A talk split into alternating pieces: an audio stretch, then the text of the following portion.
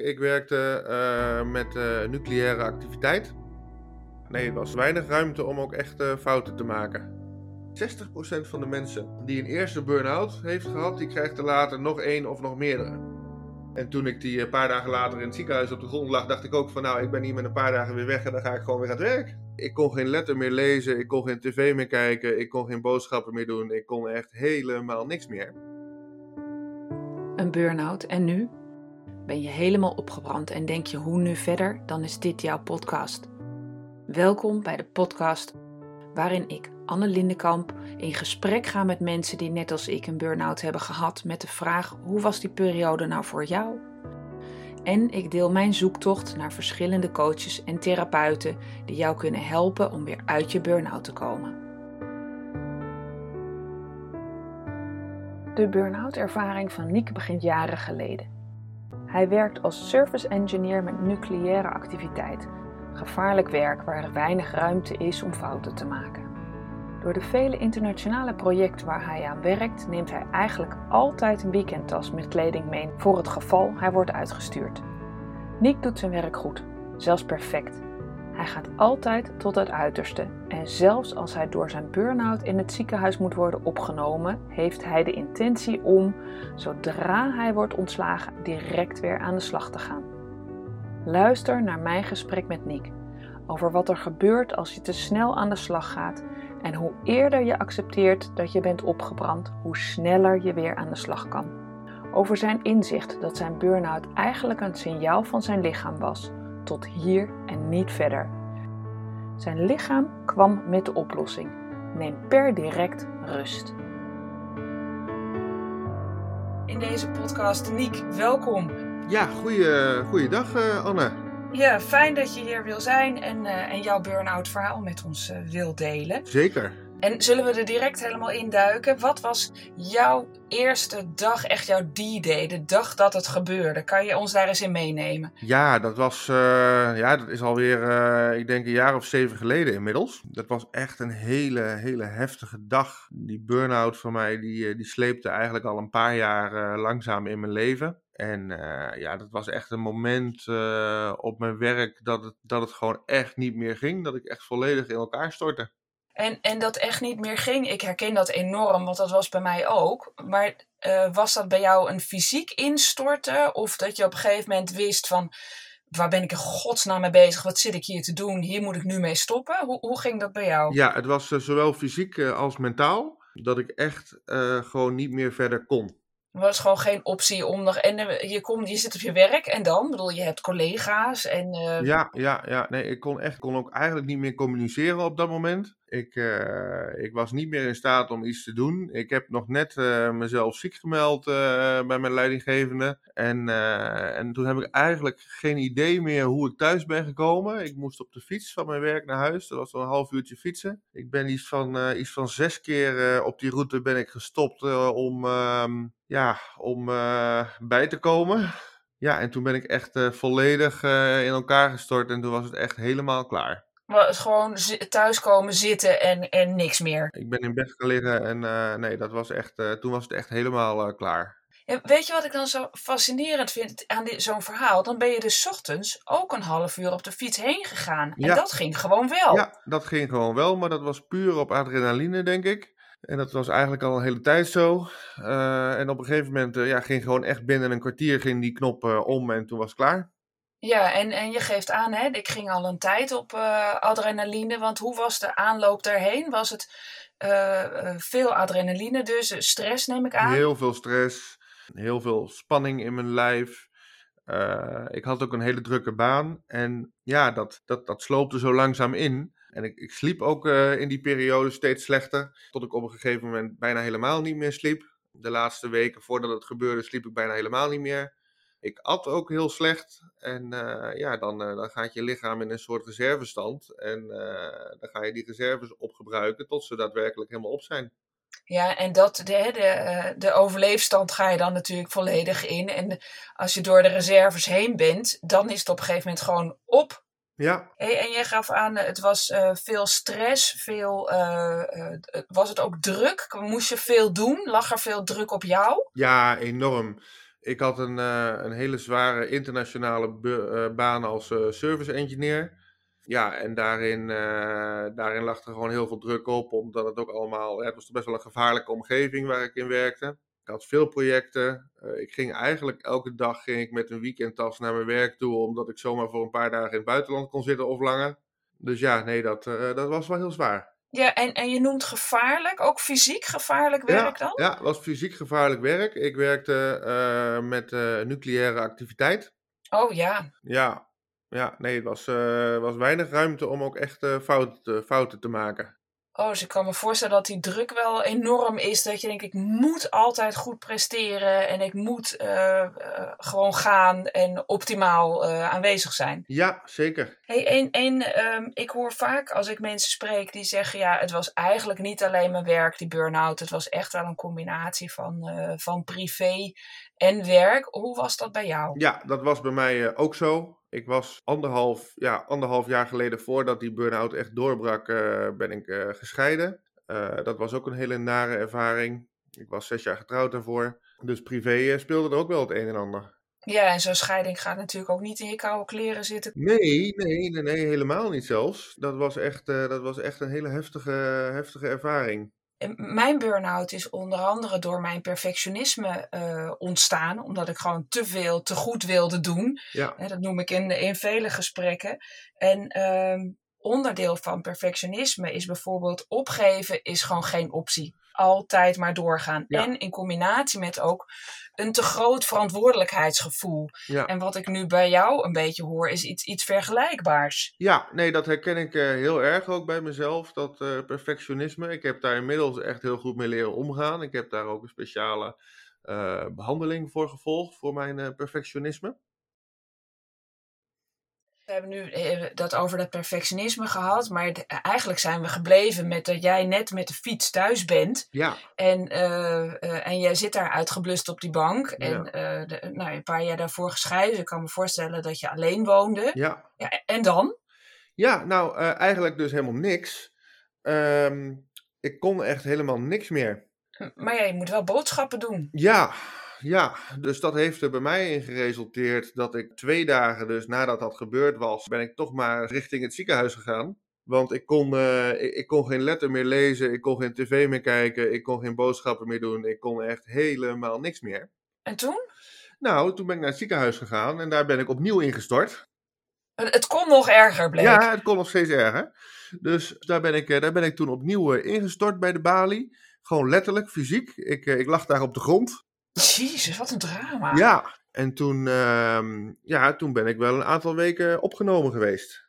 Voor, gewoon voor fysiek opgebrand zijn. Nou, fysiek en mentaal. Ik geloof heel erg dat als je een burn-out hebt, dat je gewoon letterlijk bent opgebrand. En uh, dat je dus eerst fysiek moet opladen. Um, en daarna dat je mentaal pas weer uh, uh, aan de slag kan wat ik veel merk is dat mensen die een burn-out hebben, die, uh, die zijn mentaal zo sterk dat ze zichzelf fysiek gewoon uh, letterlijk ziek praten. Ja, die, zeker. Die blijven maar doorgaan. En maar door, net als jij dus, totdat jij als een, uh, een zak aardappel in elkaar zakte voor die balie in dat ziekenhuis. Ja. En, en je zegt, je hebt echt weken in het ziekenhuis Ja, gelegen. een week of vijf. Ja. En uh, dat je extra vitamines, mineralen, Ja. of zijn ze ook echt op zoek gegaan naar wat, wat heeft meneer? Oh nee, nee, dat, eh, ehm, dat, dat was een behoorlijke eh, eh, misvatting die ik ook vanuit perfectionisme daarin had. Eh, want dat had ik namelijk wel verwacht. Eh, hebben ze allemaal niet, eh, niet gedaan. Nee, ik heb die weken heb ik echt eh, met name slapend eh, doorgebracht. Ik sliep iets van eh 18, 19 uur per dag.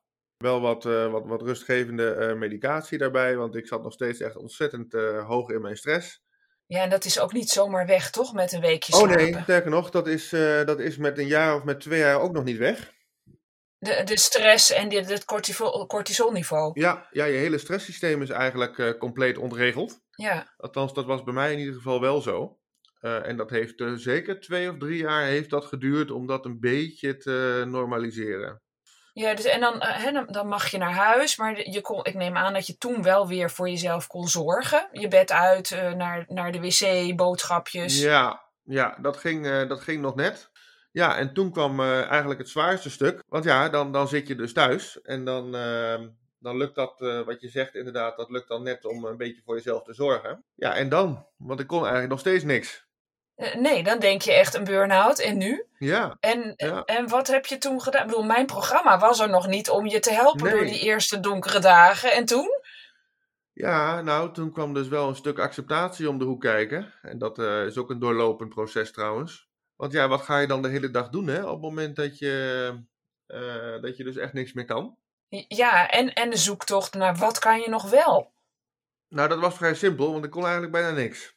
En weet je nog hoe je die dagen bent doorgekomen? Nee, eigenlijk ehm, wa- wat ik wel weet is dat ik daar echt enorm depressief van werd. Ja, daarvoor leefde ik eigenlijk eh, met name voor mijn werk. Ja, en dat werk dat was er niet meer. En dat kon ook niet meer. Zo naïef als ik toen was, eh, wilde ik natuurlijk zo snel mogelijk weer werk oppakken. Dus dat eh, ben ik wel gaan doen. En binnen anderhalve dag eh, was het natuurlijk weer klaar. Ja, er was natuurlijk geen optie. Zeker als je zo ver heen bent. Nee. Of zo ver heen. Als Ja. je zo uitgeput bent geweest. Ja, ja nee, binnen anderhalve dag eh, was ik weer eh 30 stappen terug. En toen kon ik weer niks. Nee, dat is echt een, eh, echt een proces. Ik denk dat het een proces is geweest wat vijf jaar heeft geduurd voor mij. Om daar enigszins weer mee te leren leven en, en op van te krabbelen. En ik ben, nog ik ben ook nooit meer de ouder geworden. En dat is misschien maar goed ook. Ja, dat hoor ik veel mensen zeggen. Ja. En ik ging inderdaad net vragen, is dat erg? Wil je weer die oude zijn? Nee, helemaal niet. Nee.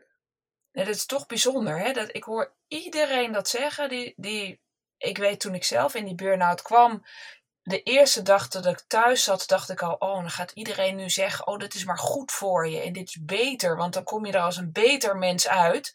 Nou, dan ging ik al in de weerstand. Ja, En, ehm, maar ik heb nog nooit iemand gesproken die zei, ik, ik wil gewoon weer die oude zijn, want wie ik nu ben, dat wil ik niet meer. Iedereen is toch echt wel tevreden en blij met wie die nu is. Nou, dat heeft mij wel tijd gekost hoor. Want er zijn wel degelijk periodes geweest dat ik had gewild dat het allemaal weer was zoals het vroeger was. Dat ik toch eh, in ieder geval weer meer in staat was om, eh, om te werken, bijvoorbeeld.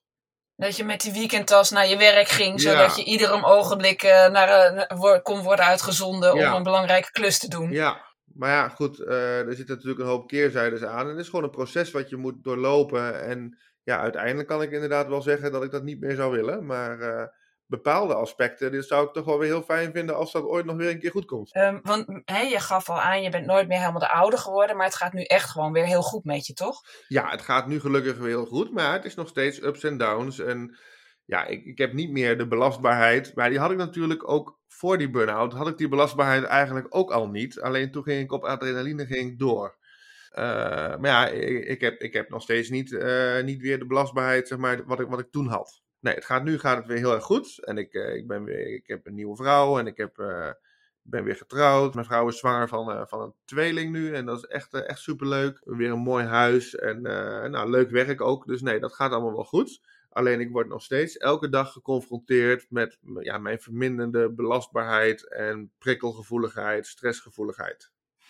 Een, een burn-out is echt een, een zwaar probleem. En dat los je niet op met een paar dagen rust nemen. En dat los je niet op met een paar gesprekken bij een psycholoog. Ja, daarnaast is het ook nog zo dat ik geloof 40% van de mensen, nee 60% van de mensen die een eerste burn-out heeft gehad, die krijgt er later nog één of nog meerdere. Zo vaak? Ja, en dat komt omdat dit echt zeg maar in, in, in, in de basis zit van het systeem van wie je bent en hoe je functioneert. En dat is gewoon heel moeilijk eh, om dat te veranderen en dat kost heel veel tijd en energie. Ja, ik moet je eerlijk zeggen dat dat inzicht, hè, dat mijn eh, burn-out aan mijn perfectionisme ligt, eh, ten grondslag ligt. Want ik, oh, ik vind perfectionisme echt een kwaliteit. Ja, Ehm, alleen de te ging een beetje verkeerd. Maar het heeft voor mij wel mijn ogen geopend dat dat de oorzaak van mijn burn-out was. Want ik had het in eerste instantie veel, veel dichter bij het omvallen van ja, maar ik had het ook verschrikkelijk druk. Want ja, ik moest en verbouwen en verhuizen en nog twee reizen naar China. En, en daar lag het allemaal aan. Ja, en als ik niet eh, dat inzicht had gekregen, ik zou niet, niet naar die oorzaak gekeken hebben. Van het zit eigenlijk in hoe ik het aanpak. De burn-out, Ja. mijn burn-out. ja, ja, ik heb ook nog wel een heel interessant inzicht. En eh, als, als je kijkt naar burn-out, zeg maar, hè, die periode dat je dus echt uitgeschakeld raakt, zie je dat als het probleem of zie je dat als de oplossing? Ja, dat was natuurlijk het probleem, dat ik uitgeschakeld raakte. Ja, dat denken heel veel mensen. Alleen ik ben dat Ja. op een gegeven moment als de oplossing gaan zien. Ondanks dat, dat jij, wat je net beschrijft, l- niet meer kon en Ja. twee dagen later gewoon voor vijf weken het ziekenhuis inging. Ja, ik kan het wel uitleggen.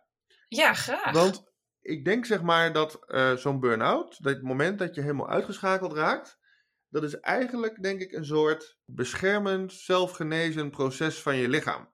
Want je bent veel te druk in die periode daarvoor. Je doet veel te veel. Je legt de lat veel te hoog. Je gaat aan alle kanten over je grenzen heen. En dan op een gegeven moment schakelt je lichaam uit in een soort van ruststand.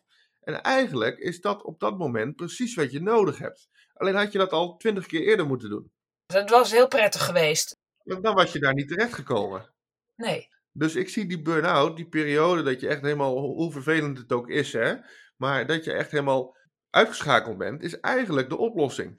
In plaats van het probleem. Het probleem ligt in al die jaren daarvoor. En de oplossing is rust nemen.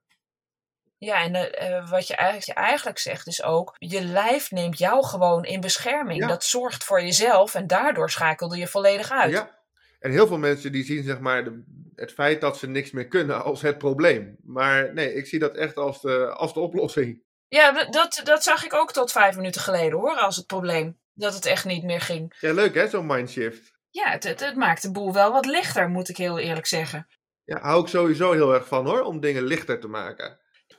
Du- Dus ik voel bij mezelf een soort van reset. Met terugwerkende kracht zie ik die burn-out al, al aanzienlijk lichter. Ja, ho hoewel ik in die eerste periode niet... Ik kon alleen maar scharrelen. Ja. Maar jij kon ook niks, Nee, geloof hoor. ik. nee, nee, nee, nee. En het was ook gewoon een verschrikkelijke periode hoor. Dat ik echt alles. eh, eh, dat ik echt helemaal in elkaar stortte en dat ik het echt helemaal niet meer zag zitten. En ik heb echt enorme dieptepunten daarin gehad. En vallen en opstaan en doormodderen. En proberen de juiste hulp te vinden die ik nergens kon krijgen. En 80% van de dingen die ik hoorde die me zouden kunnen helpen, was uiteindelijk complete onzin. Of het werkte niet voor mij. Dus ja, nee, daar heb ik ook echt wel mijn eigen reis in, eh, in moeten maken. Ja, en hè, als ik daaraan kan aanhaken, daarom heb ik deze podcast ook. Want de ene week deel ik mensen eh, met ervaringen, zoals jij en ik. En de andere week deel ik echt experts die jou misschien daaruit kunnen helpen uit die burn-out. Omdat iedere burn-out voor iedereen natuurlijk anders. Dus de oplossing is ook anders. En ik probeer echt mensen dingen aan te reiken. Van goh, misschien past dit bij jou. Heb je aversie? Helemaal prima. Volgende week proberen we weer iets anders. Misschien helpt dat bij jou zodat je niet alles zelf hoeft te proberen. Alleen het idee, dan heb je toch al geen zin meer. Nee, nee, ik zou wel, ehm, dat, dat adviseer ik mezelf altijd, en dat adviseer ik anderen ook, is om heel goed uit te kijken met gevaarlijke verwachtingen. Dus op het moment dat jij ehm, naar een hulpverlener, en dat kan wat voor hulpverlener dan ook zijn, eh, toegaat met jouw klachten en jij verwacht dat hij of zij jou daaruit gaat helpen, kan je wel eens heel vervelend uitkomen. Oh, ik heb, weet je wat het begin van mijn, mijn ommekeer in mijn mindset was? Het was iemand eh, die kwam naar mij toe en we hadden het over mijn burn-out. En die- hij keek me zo aan en zei: Luister, Anne, de enige die ervoor kan zorgen dat jij je batterij kan opladen, dat ben je echt zelf. Hè? Ja, ja, En ik heb hem nog eerst even een paar keer vervloekt. Dat, hè, dat ik dacht, nee, maar ik moet gewoon naar een goede therapeut. Dat is Ja. gewoon belangrijk. En die gaat me daaruit helpen. En daar komt En toen knikte die eh, zo. En toen zei hij, ja, Ja. maar dan moet je het nog zelf doen. Perfectionisme. Ja, Ja, ja, en dat gaf mij wel de rust dat ik dacht, oh, maar als ik dus weet wat ik moet doen, dan kan ik er ook aan werken. Ik moet alleen het goede doen. ja, Nou, en dat, dat heb ik gevonden in, eh, in hele goede coaching. En, eh, maar wel toen ik eh, fysiek was opgeladen. Daar, ehm, heb jij nog een, een laatste in, inzicht wat je met ons wilt delen? Of heb je nog een advies voor mensen die nu net in een burn-out thuis zitten? ja. Ik denk het beste advies wat ik kan geven is om er volledig in te gaan zitten. Als in voel je jezelf heel zielig en, eh, en het? Of op een andere manier? Ik zou, als ik nu zeg maar terugkijk, zou ik zeggen van, eh, en het is ongelooflijk moeilijk hoor en bijna niet te doen, maar ik denk wel dat dat het beste advies is, om je er echt volledig aan over te geven. Ja, accepteren. Ja, om echt, ehm, Ja, om, om je er echt aan over te geven van, goh, de situatie is nu zoals die is. En ik moet er echt bij zeggen hoor, dit is voor bijna niemand te doen. Uh, maar ik denk wel dat het het beste advies is. Probeer vooral niet om er zo snel mogelijk uit te komen. Nee, ik moet je eerlijk zeggen, toen ik uh, hoorde van ja, je moet herstel, moet je gewoon echt zelf doen. Toen viel bij mij het kwartje en dat was een soort van acceptatie van oké, ik kan het dus voor me uitschuiven. Maar dan kom ik misschien nooit meer uh, terug in de maatschappij. Zo zwaar voelde dat voor mij. Ja, die kans die zit er wel degelijk in. Ja, ja. Dat denk ik ook. Ik denk dat je het herstel van burn-out echt voor je uit kan schuiven. Ja. En op het moment dat je het aanvaardt, en wat jij zo mooi noemt, ga, er, ga ervoor, ga er gewoon in zitten. Um, want dan zet je de weg naar boven in. Ja, en ik denk ook dat het best wel helpend kan zijn om voor jezelf te ervaren dat je ook gewoon eigenlijk uh, heel erg zielig bent op het moment dat je een uh, burn-out hebt. Je bent, ook gewoon, je bent ook gewoon een zielig vogeltje op dat moment die keihard tegen een raam is aangevlogen. Waar je van je dacht dat je er doorheen kon. Um, en je bent gewoon echt ook ziek. Dus dan mag je ook wel liefdevol en mild naar jezelf zijn, voor zover je dat kan. Om daar, nou ja, in ieder geval tijd en aandacht aan te besteden. Toen ik net thuis zat, ik voelde me echt een loser. Ik kan er geen beter woord voor bedenken. Uh, dus eigenlijk zeg je ook, ja, dat was je. Accepteer het maar. Ja. Je hebt het niet gehaald. Ja, wat, wat, wat, wat doe je zeg maar op het moment dat je echt een hele uh, stevige griep hebt bijvoorbeeld? Dan ga je in bed liggen, dan neem je misschien een warm deken over je heen. Uh, je maakt misschien een warme kruik voor jezelf, of je gaat even Netflixen, of je maakt een lekkere kop kippensoep voor jezelf. En je laat alles even uh, de boel de boel en je bent gewoon ziek op dat moment en je wacht tot je beter bent. En als je nou diezelfde benadering ook omtrent burn-out hanteert, alleen dan in grotere, ruimere en extremere mate, dan denk dat je gewoon liefdevol en zorgzaam voor jezelf bent. Ja, dat ben ik helemaal met je eens. En de, de crux zit hem natuurlijk in accepteer dat je ziek bent, precies wat je zegt. Hè? Accepteer dat je ziek bent, zodat je ook kan een uh, herstelperiode kan accepteren. Ja, en het kost gewoon echt tijd. En hoe, als je er heel snel ook weer uit probeert te komen, dan nou kan het zomaar zijn dat je binnen de kortste keren uh, weer op hetzelfde punt bent. Of uh, nog erger. Ja, want dat hoor je vaak, hè? Dat wat jij zegt, 60% ja, keert terug. 60%, ja, ja, ja. Al is het 40%, dan is het nog veel. Ja. Ja. Dus als je het nu accepteert, dan ben jij niet een van die zoveel procent die het nog een tweede keer krijgt. Nou, je loopt minder risico inderdaad. Ja. Niek, mag ik je heel erg hartelijk danken voor dit, uh, voor dit gesprek. Zeker, jij ook. Heel erg graag gedaan.